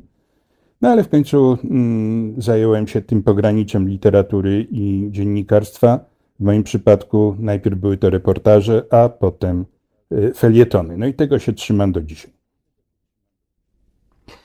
Ja y, poznałem y, Maćka Pinkwarta w latach 90., kiedy realizowałem film, y, w zasadzie to dwa filmy z tego powstały, o Witkacym, a w zasadzie perypetiach cmentarnych, mianowicie sprowadzenie zwłok naszego wybitnego artysty z Ukrainy, które nastąpiło jeszcze pod koniec PRL-u, okazało się straszną pomyłką, ale to dopiero wyszło w trakcie realizacji naszego filmu, a film opowiadał o tym, e, no, jak do tej pomyłki mogło dojść, a w zasadzie najpierw e, pokazywał badanie takiej specjalnej komisji powołanej przez ówczesnego ministra kultury do stwierdzenia, czy rzeczywiście Witkacy jest pochowany na cmentarzu, na Pęksowym Brzysku w Zakopanem, czy nie. I Maciek bardzo mi pomógł, występował w tym filmie i opowiadał o tych y, takich szczególnych mm, cmentarnych obyczajach i troszkę takich surrealistycznych zdarzeniach. Czy możesz przypomnieć, bo to było bardzo ciekawe, co wtedy nam opowiadałeś. Nie wszystko chyba zdołaliśmy w filmie wykorzystać, ale Twoja wiedza na temat tych E, funeralnych perypetii Zakopiańczyków była imponująca. E, Powiem Ci, że stawiasz y, przede mną trudne zadanie. Ja napisałem y, nie tak dawno, bo mm, w 2015 roku taką dużą, grubą i ciężką, ważyłem 700 gramów, e, książkę o mm, Witkiewiczu e, pod tytułem Wariat skrupówek. I mm, zamieszczając tam no właściwie taką największą, najobszerniejszą biografię y, Witkacego, związaną z Zakopanem, no ale ponieważ całe życie spędził w Zakopanem, więc w zasadzie jest to także jego mm, dość pełna biografia ogólna, świadomie odpiłowałem się od tematu tak zwanego pogrzebu Witkacego. Y, Załatwiłem to, nie wiem, na dwóch stronach być może, nie chcąc, i dalej tego nie chcę, żeby funeralne perypetie Zakopanego, y, zakopiańskiego pochówku Witkacego y, zdominowały całą sprawę biografii zakopiańskiej mm, Witkiewicza. Bo niestety tak jest do dzisiaj, ponieważ jestem też autorem mm, takiego dość mm, szczegółowego przewodnika po y, cmentarzu starym zakopiańskim, po Pęksowym Brzysku. Nieraz tam bywam i mm, no, z, przykrością y, stwierdzam, że praktycznie biorąc każda wycieczka prowadzona przez zawodowego przewodnika zatrzymująca się przy grobowcu Marii Witkiewiczowej w zasadzie nie dowiaduje się od przewodnika niczego o Marii Witkiewiczowej, niczego sensownego o y, jej synu, o już o reszcie rodziny nie wspominam, która też jest na tym cmentarzu pochowana, tylko są anegdotki, jaki to numer i szpryngiel, jak to mówił Witkacy, po śmierci wyciął on nam wszystkim, bo żeśmy niby jego ekshumowali, a tymczasem okazała się to młodziutka kobitka y, z Ukrainy, która zresztą y, pozostała w tym grobowcu po ekshumacji i stwierdzeniu, że no niestety nieboszczyk nam nie dopisał. E, Także jeżeli oczywiście jest to konieczne, to mo mogę o tym opowiedzieć, ale godzina jest późna, północ się zbliża i boję się, że naszym słuchaczom mogło to się śnić po nocach, a to może nie być najprzyjemniejsze spotkanie i najważniejsze z samym Witkiewiczem. Także decyduj. Dobrze, to słuchaj, to myślę, że się y, nie po raz ostatni, tylko po raz pierwszy tutaj spotykamy i kiedyś pewnie będzie dłuższa rozmowa, a może wpadniesz, będąc w Warszawie, do naszego radia. A teraz tylko powiem, że w filmie, który się nazywał Zdziczenie obyczajów pośmiertnych, pokazałeś mi, że ta sama osoba poko- jest pochowana na dwóch cmentarzach zakopiańskich. Ma tablicę i tak naprawdę nie wiadomo gdzie. Także pewien taki funeralny bała- bałagan był cechą podhalańską. Nie dotyczyło to Słowo, tylko jeżeli pozwolisz, y, to takie dziennikarskie Oczywiście. obyczaje, które też obserwujesz, y, to ja w tym charakterze wystąpię. Otóż, y, jakby mm, inwentaryzując ten cmentarz, znalazłem na nim 38 poważnych błędów mm, wynikających z niewiedzy, z głupoty, z bałaganu y, i tak dalej. Czasami o tym piszę i czasami odnosi to skutek, ale zazwyczaj nie. I mm, ten pan, o którym teraz wspominasz, a świadomie nie wymienię jego nazwiska, nie jest to osoba najważniejsza w polskiej kulturze, był rzeczywiście pochowany na nowym cmentarzu, a miał e, grób na starym cmentarzu, który uchodzi oczywiście za ten lepszy, taki ważniejszy dla, dla wszystkich. No i ponieważ się z tego trochę tak podśmiewaliśmy i, i, i przy okazji różnych filmów i, i przy okazji audycji, mm, no co roku powtarzanych z okazji Wszystkich Świętych, e, obraziła się na mnie jego rodzina, no i doprowadziło to do faktu, że pana z nowego cmentarza ekshumowano i przeniesiono na ten stary cmentarz, choć nie jest to, jak mówię, wybitna osobistość i mu się ten e, stary cmentarz poniekąd nie należał, o ile można użyć takiego słowa. No i teraz jest jeszcze śmieszniej, ponieważ e, tego pana ekshumowano razem z, całą, z całym opakowaniem. W efekcie na mm, starym cmentarzu pan ma dwa groby w jednym.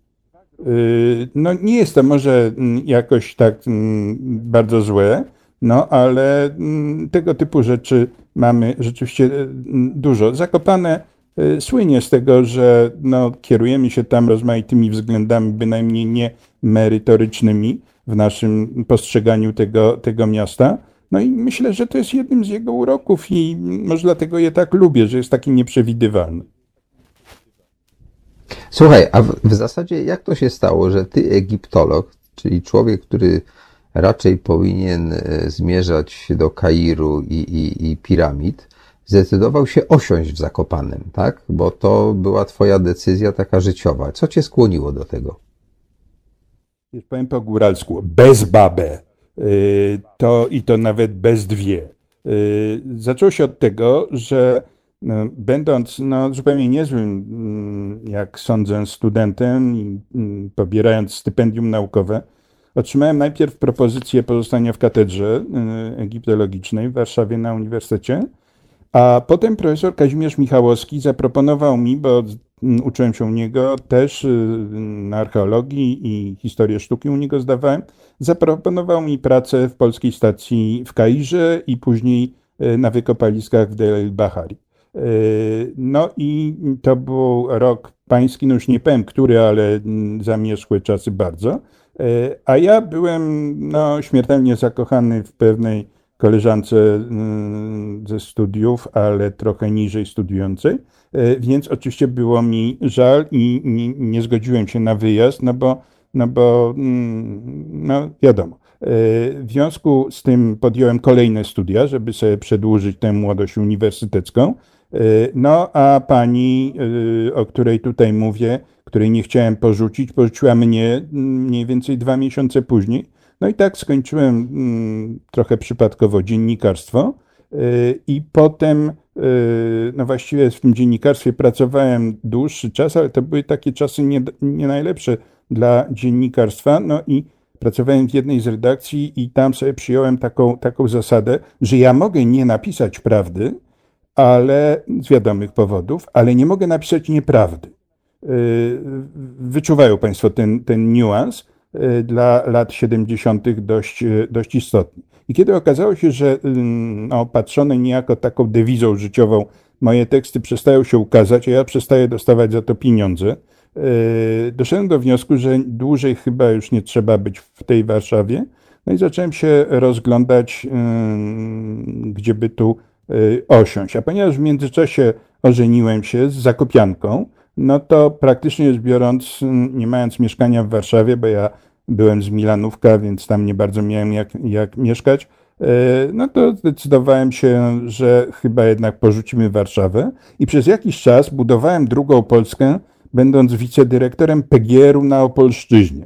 Bardzo ciekawa przygoda życiowa. Niestety skończyła się dla mnie już po trzech miesiącach. Do Warszawy nie miałem powrotu. E, W Kietrzu e, już dalej nie mogłem mieszkać. No to pozostawało nam Zakopane jako miejsce mm, urodzenia i zamieszkania mojej żony. No i tak mm, przez te dwie panie trafiłem do mm, Zakopanego. No jak już tam byłem, to żeby się jakby tam trochę znaleźć, no bo wiadomo, człowiek z zewnątrz to musi być naprawdę bardzo dobry w czymś, żeby tam móc egzystować, no to postanowiłem być bardzo dobry w tym Zakopanym, no i tak zostałem.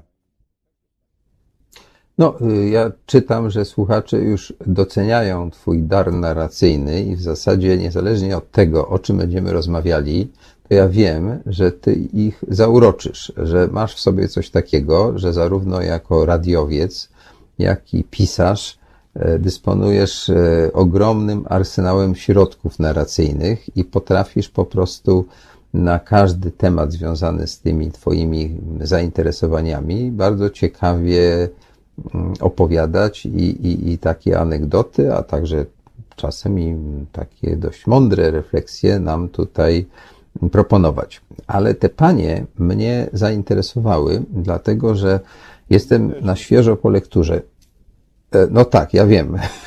No, może bardziej ciebie, ale e, e, mnie też, dlatego że to mi się skojarzyło, bo jestem świeżo po lekturze twojej powieści Siódmy Krąg. Uczciwie przyznam, że jeszcze nie skończyłem, ponieważ w zasadzie jej nie czytam, a słucham. I tutaj dochodzimy do takiego punktu stycznego z tym naszym pogotowiem dla kultury w czasie pandemii. Mianowicie zaproponowałeś swoim odbiorcom, świadomie używam tego wyrażenia, bo to nie są do końca czytelnicy, to nie są tylko słuchacze, bo to są osoby, które mogą Ciebie oglądać. Na YouTubie można codziennie zobaczyć i posłuchać fragmentu tej powieści, skądinąd znakomitej, która gdzieś e, dotyka tych spraw męsko-damskich, e, która gdzieś tam ma na zapleczu takich wybitnych pisarzy rosyjskich jak Buchakow pewnie, czy nawet Ilf Pietrow i tak dalej, bo jest po prostu bardzo zabawna, a z drugiej strony ma w sobie dużo takich refleksji na temat życia, uczuć, związków i tak dalej, i tak dalej. I chciałbym, żebyś nam trochę o tym opowiedział, jak doszło do powstania tego utworu i jak potem doszło do tego, że teraz w czasie pandemii nam go po raz drugi niejako ofiarowałeś, no po to, żebyśmy prawdopodobnie mogli jakoś e, bezpiecznie obcować ze sztuką i przeżyć ten trudny czas. To oddaję Ci głos w sprawie siódmego kręgu, którym ja jestem zafascynowany i wszystkim tę powieść polecam. Bardzo dziękuję. Jeśli pozwolisz, to zacznę od tej drugiej mm, części, bo jest to może bardziej aktualne i ważniejsze. Otóż mm, inicjatywa mm, w tym akurat przypadku leży po stronie Stowarzyszenia Pisarzy Polskich. Jestem członkiem jego oddziału warszawskiego i pani prezes Małgosia Piekarska po prostu przypomniała nam, należącym do tego do tego stowarzyszenia, że nasze niejako kontakty pisarskie y, oczywiście nie ustają, bo nasze książki są, y, nasi czytelnicy, mm, mam nadzieję, również. Y, I to pozostaje, czy mamy pandemię, czy nie, może nawet w czasie pandemii bardziej jesteśmy niejako potrzebni. Ale pisarz to także człowiek, który potrzebuje żywego kontaktu z czytelnikiem, z drugim człowiekiem ogólnie. Żywy kontakt oczywiście jest w czasach pandemii trudny, y, a nawet czasami groźny, nie w sensie możliwości zarażenia się wirusem, tylko możliwości otrzymania mandatu, co jest, jak mi się wydaje, znacznie gorsze. I y, tak postanowiłem, no po prostu to mm, nagrać i zaprezentować może nie tyle mm, swoje zewnętrzne, że tak powiem, bo to jest zupełnie mało istotne, ale swoją no jakby mm, próbę interpretacji tego, tego tekstu.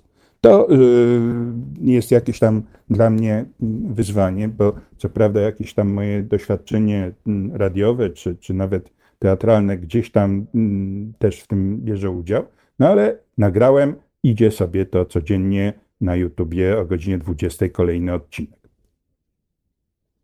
Tutaj natomiast, trzeba mm, e, natomiast, dodać, że trzeba wpisać Maciej Pinkwart tak? na YouTubie, yy, siódmy krąg i wtedy to się pojawi. Gdyby Państwo chcieli, serdecznie zapraszam, naprawdę warto. Najlepiej wejść na mojego dalej, Facebooka, to znaczy na mój fanpage, yy, wyszukać go i tam po prostu są bezpośrednie linki do kolejnych odcinków, bo przez YouTube'a no to po prostu się skacze po różnych numerkach, a to jest mało wygodne.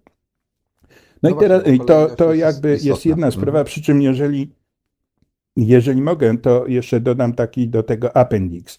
Mianowicie sądzę, mm, że po pierwsze, to dla mnie jest satysfakcjonujące to, co powiedziałeś, że y, Państwo, którzy nas słuchają, y, słuchają mnie z jakąś tam przyjemnością.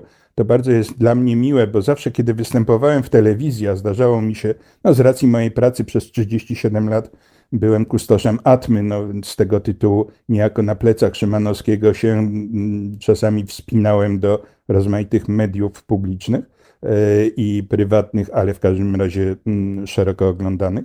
E, I za każdym razem, jak spotykałem kogoś, e, kto ten mm, mój występ oglądał, to zawsze mówił: O, jak fajnie wyglądałeś, ale nikt nigdy nie powiedział, że ciekawie i mądrze mówiłem. No, może nie, nie mówiłem ciekawie ani mądrze. A teraz już nie ma wyjścia i mm, mówię tak, jak mówię, i można mnie tylko słuchać, a oglądać to właściwie nie bardzo, nie bardzo jest co. Natomiast druga sprawa to to, i to jest taka refleksja już zupełnie niekoniecznie wesoła, mianowicie to wszystko jest erzac, wyrób czekoladopodobny. Człowiek musi rozmawiać z człowiekiem, a nie przekazywać mu siebie przy pomocy bitów elektronicznych. To jest tylko czasowa sytuacja zastępcza. To trochę jest tak jak z muzyką, ym, prawda? Że zupełnie inaczej odbieramy muzykę, którą słuchamy z płyty, y, czy nawet przez radio, a inaczej, kiedy jesteśmy na koncercie.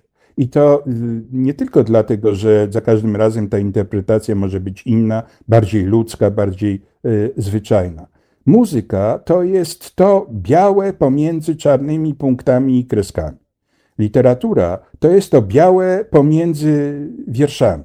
To jest coś, co czytelnik wypełnia swoją osobowością, swoją fantazją, ale jednocześnie chętnie tę swoją osobowość i fantazję konfrontuje z pisarzem. A pisarz pełen strachu i niepokoju spotyka się z czytelnikami swoich książek, by nie to, żeby uzyskać od nich aprobatę czy krytykę, nie, by po prostu przekonać się, że dotarło, że to w ogóle ma jakiegoś odbiorcę i adresata. Natomiast y, geneza siódmego kręgu jest y, bardzo prosta. Tak jak wcześniej powiedziałem, no, cały czas jest to ucieczka. Ucieczka od dziennikarstwa do literatury faktu, od literatury faktu do beletrystyki. Y, wszyscy zawsze, jeżeli piszesz jako narrator pierwszoosobowy, to prawie wszyscy interpretują to jako twój pamiętnik. Pamiętam, że napisałem kiedyś taki tomik opowiadań pod tytułem prawda? Denaturalizm. Yy, nie, i po prostu tam było napisane 10 opowiadań o miłości. I wszyscy doszukiwali się, kto to czytał w ogóle i chciał ze mną o tym rozmawiać, to, a ta pani w tym trzecim opowiadaniu to ma na imię naprawdę tak i tak. No ja mówię, nie, to jest postać wymyślona, tak sobie wyobraziłem jakąś tam panią i tak dalej. No i kiedy ukazał się siódmy krąg, to oczywiście wszyscy interpretowali go poprzez znane wśród niektórych osób moje tam perypetie życiowe, no były rzeczywiście takowe, ale to trochę jest tak, że literatura piękna, jeżeli nie jest całkowicie oparta na fikcji, to jest budowana z takich klocków Y, rzeczywistych, przy pomocy których układamy takie Lego nierzeczywiste. Bo literatura taka może dobrze oddziaływać wówczas, kiedy mm, ją konstruujemy w sposób wiarygodny. Oczywiście do pewnego momentu, bo w siódmym kręgu, do pewnego momentu można by uznać, że pewne wydarzenia związane z rozmaitymi paniami, z którymi mój narrator tam ma do czynienia, mogły mieć miejsce i mogły się rzeczywiście wydarzyć. No ale w pewnym momencie na polu Fabisiaka pojawiają się dziwne kręgi, a na wsi pojawiają się dziwne stworzenia. No i tego już nikt nie powie, że oglądałem to w mojej jakiejś ulubionej wiosce. Myślę, że tak. Ja bym y, nie chciał zbyt wiele zdradzać, bo poza faktem, że ta powieść jest pisana. A propos zdradzanie taki... jest jednym z elementów tej książki, naturalnie. No, zdecydowanie tak. No, to są przygody mężczyzny, który ma słabość do kobiet, w związku z czym zdrada jest elementem dość istotnym w tej opowieści. W każdym bądź razie e, myślę, że nie powinieneś e, zbyt wiele mówić o tym, e, co będzie pod koniec książki, bo mm, to, co jest wcześniej, też jest fascynujące, a potem jest duża niespodzianka, że to w taką stronę poszło. Mnie to bardzo, bardzo odpowiada ten twój styl, ten sposób kształtowania opowieści i postawa narratora. Y, Maćku, y, ja myślę, że zauroczyłeś y, i swoim tutaj występem, że tak powiem, może niezgrabnie, raczej po prostu gawędą, czy, czy odpowiedziami na moje pytania, zauroczyłeś naszych słuchaczy, bo czytam tutaj ich komentarze. No to gość ma klasę, bardzo interesujący rozmówca, i tak dalej, i tak dalej. No, nie chcę tutaj przesadzić w chwaleniu, ale dobrze wybrałem po prostu. To ja Cię obsadziłem jakby w tym, że w dzisiejszym programie, więc też się cieszę, że mi się udało. E, chcę Ci na dzisiaj podziękować, e, ponieważ mam nadzieję, że to nie jest pierwszy raz, znaczy to jest pierwszy raz, ale właśnie pierwszy, a nie ostatni i chciałbym Cię zaprosić na dłuższą pogawędkę, może wtedy, kiedy już będziemy to robili niekoniecznie przez telefon, jak będziemy mogli się po prostu spotkać na żywo. Także bardzo dziękuję za tę taką przystawkę, którą nam tu zaprezentowałeś do swojej twórczości literackiej. Niesłychanie, powiem Państwu, ciekawej i dla mnie to jest po prostu odkrycie. Znałem Maćka prywatnie, a nie wiedziałem, że to jest taki fajny pisarz. Maćku, życzę Ci dobrej nocy, słuchaj nas dalej, a teraz zapraszam Państwa, e, żebyśmy przez chwilę e, odpoczęli przy muzyce, mianowicie e, Natalia Przybysz, Dzieci Malarzy. Halo Radio. Gadamy i trochę gramy.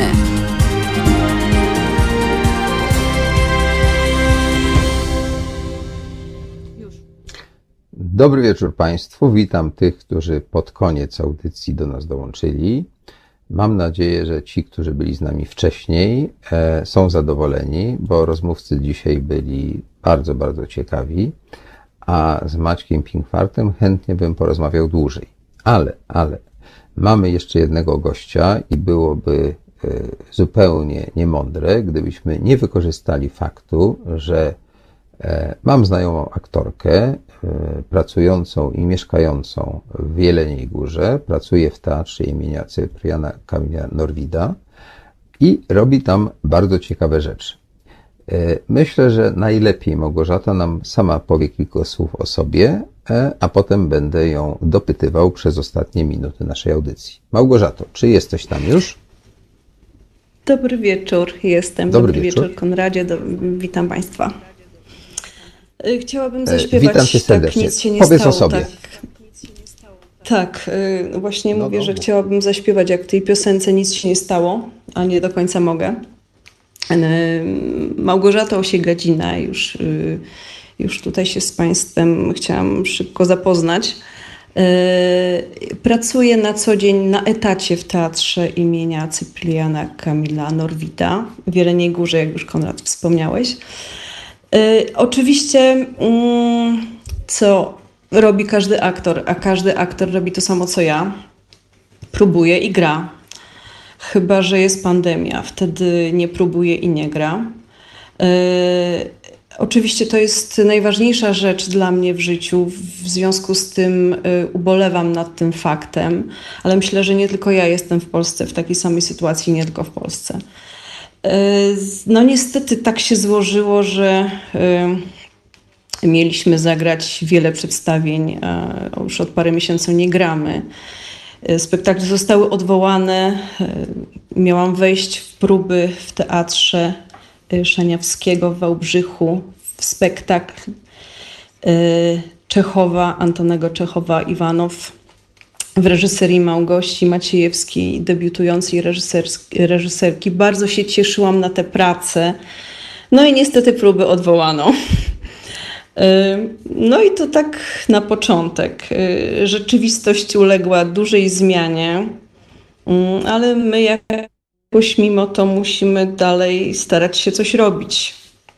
No i staramy się robić w teatrze to, co możemy robić online. Ale pracuję również poza teatrem. Mm, W teatrze teraz y, rzeczywiście pracujemy online. Y, Czytamy wiersze jeleniogórskich y, poetów, amatorów. Czasem to są teksty lepsze, czasem gorsze. Staramy się je robić jak najlepiej potrafimy.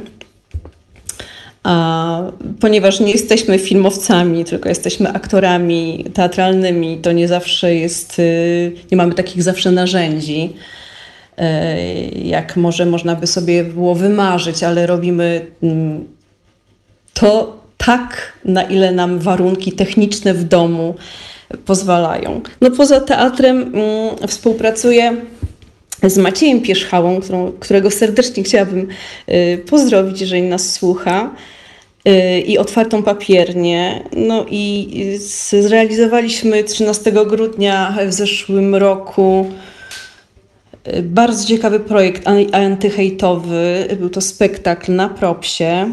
Mm, No i cóż, zobaczyło go ponad tysiąc osób.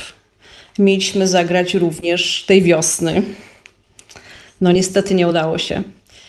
Y, To jest to wszystko, co w zasadzie było jakimiś planami i na razie czekamy, aż się otwor- otworzą furtki i będziemy mogli coś zrealizować. No ja marzę za realem, prawdę powiedziawszy. Czyli to, co mówił Halo, przed chwilą Konrad. Maciek Pinkwart. Tak. Czy mnie słyszysz? Y, Mówię, że to, co przed chwilą tak, słyszę. mm, nam y, próbował wyjaśnić Maciek Pinkwart, y, jest mniej więcej takim stwierdzeniem, mianowicie, że to wszystko, co próbujemy robić online, jest erzacem, jest formą zastępczą, ratującą nas w tej trudnej sytuacji, ale de facto to jest y, lizanie cukierka przez papierek, prawda? To nie jest to samo. Teatr to jest kontakt y, aktora z widzem. E, Tak to odczuwasz, jak rozumiem, prawda? Tak, tak, no to jest, y, to jest strasznie smutne dla nas wszystkich aktorów, bo mieliśmy teraz spotkanie nie, niedawno y, w teatrze z dyrektorem i, i przyszliśmy na to spotkanie z nadzieją, że zaczniemy jakieś próby, ale też z obawami, jak to wszystko będzie wyglądało, bo niby furtka jest już troszeczkę otwarta, ale to nie jest takie jednoznaczne bo okazuje się, że do tego spotkania z drugim człowiekiem dużo, dużo i jeszcze daleka i długa droga. E, trzeba by było, nie wiem, ozonować teatr, zakładać widzom maseczki, sadzać ich w co trzecim fotelu. E, aktor od siebie musiałby grać w odległości półtora metra. No ja sobie tego w ogóle nie wyobrażam. Nie wiem, jak to miałoby wyglądać. Musielibyśmy chyba y, przereżyserowywać wszystkie spektakle, które mamy. Y, No niby możemy zacząć te próby, ale jednak nie możemy ich y, zacząć. No i co teraz? Robić testy aktorom, nie wiem, no co dwa dni, mm, zachowywać te odległości, mierzyć im temperaturę w trzech miejscach. Nie wiem, jak to miałoby wyglądać.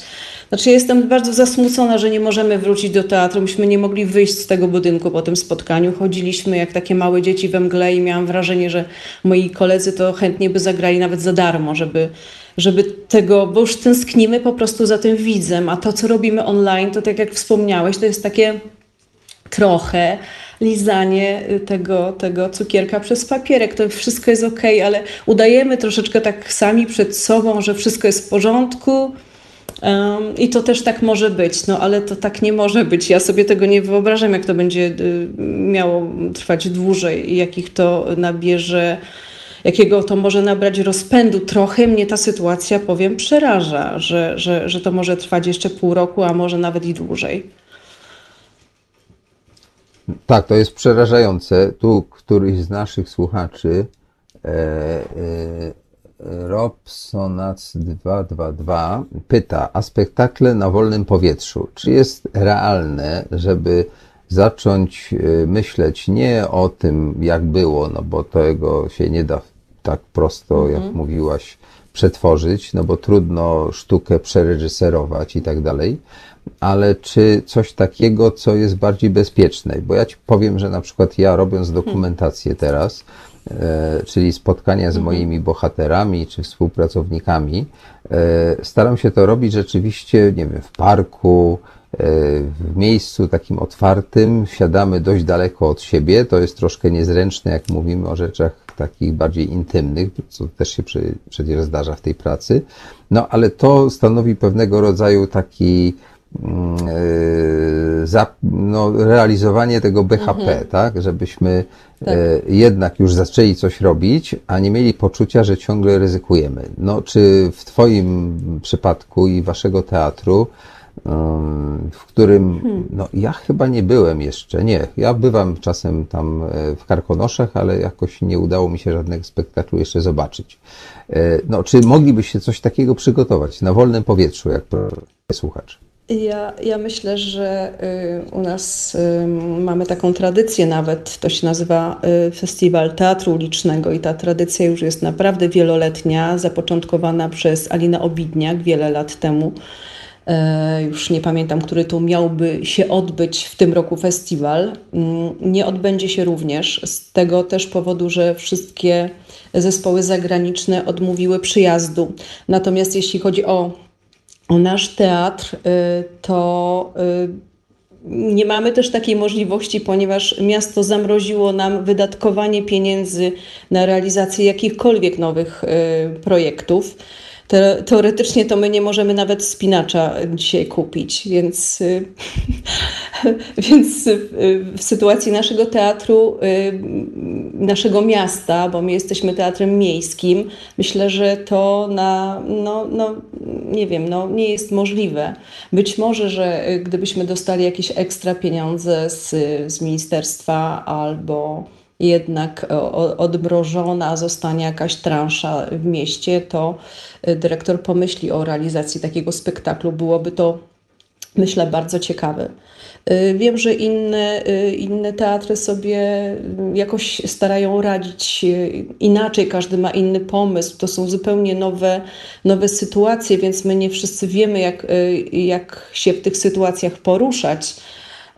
No dzisiaj dowiedziałam się na przykład od dyrektora teatru w Wałbrzychu, Sebastiana Majewskiego, że on zupełnie zmienił wszystkie swoje plany repertuarowe i każdy aktor będzie miał u niego monodram, czyli czeka Wałbrzych 17 monodramów.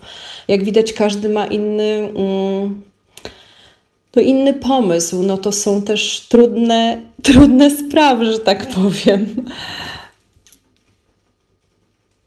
No tak, ale ja widzę, że to jest z jednej strony smutne i, i, i, takie dramatyczne, a z drugiej strony wyzwala w ludziach nowe myślenie, tak? Co można zrobić tak. wtedy, kiedy niewiele można zrobić, tak? Jak tutaj borykać się z losem i z tą materią teatralną w, w taki nowy sposób. Któryś ze słuchaczy napisał, że to może być trochę taki powrót do korzeni teatru, czyli tak na wolnym powietrzu, amfiteatr i że to może być jakieś rozwiązanie. Być może. Słuchaj, ja chciałem, żeby ten głos z Jeleniej Góry też rozszedł się tutaj wszędzie, dlatego że tak się wydaje, że my wracamy do normalności. Otóż tak widzę, że nie bardzo i właśnie dlatego chciałem, żebyśmy usłyszeli mhm. też, jak to tak naprawdę jest, tak? Bo nie ma co się pocieszać. To jeszcze długo potrwa. Musimy znaleźć sposoby na rozwiązanie tych problemów i to zarówno jeśli chodzi o byt materialny, jak i w ogóle formy twórczości.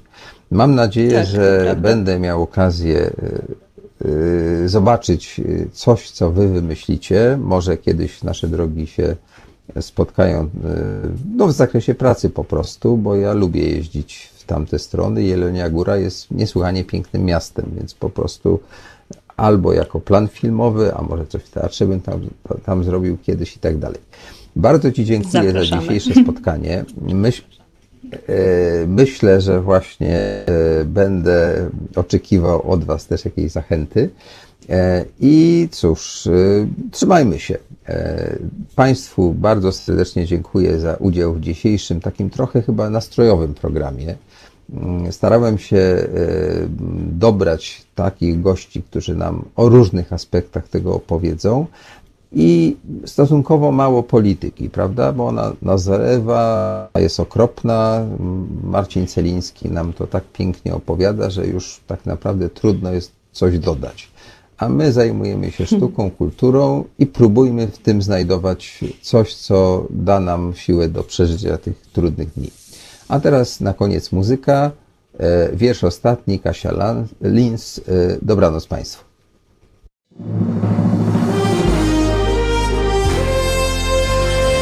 To proste. Żeby robić medium prawdziwie obywatelskie, potrzebujemy Państwa stałego wsparcia finansowego. Szczegóły na naszej stronie www.halo.radio, w mobilnej aplikacji na Androida i iOS-a oraz na koncie Fundacji Obywatelskiej w serwisie www.patronite.pl. Naszym darczyniom i darczyńcom serdecznie dziękujemy. www.halo.radio. Słuchaj na żywo, a potem z podcastów.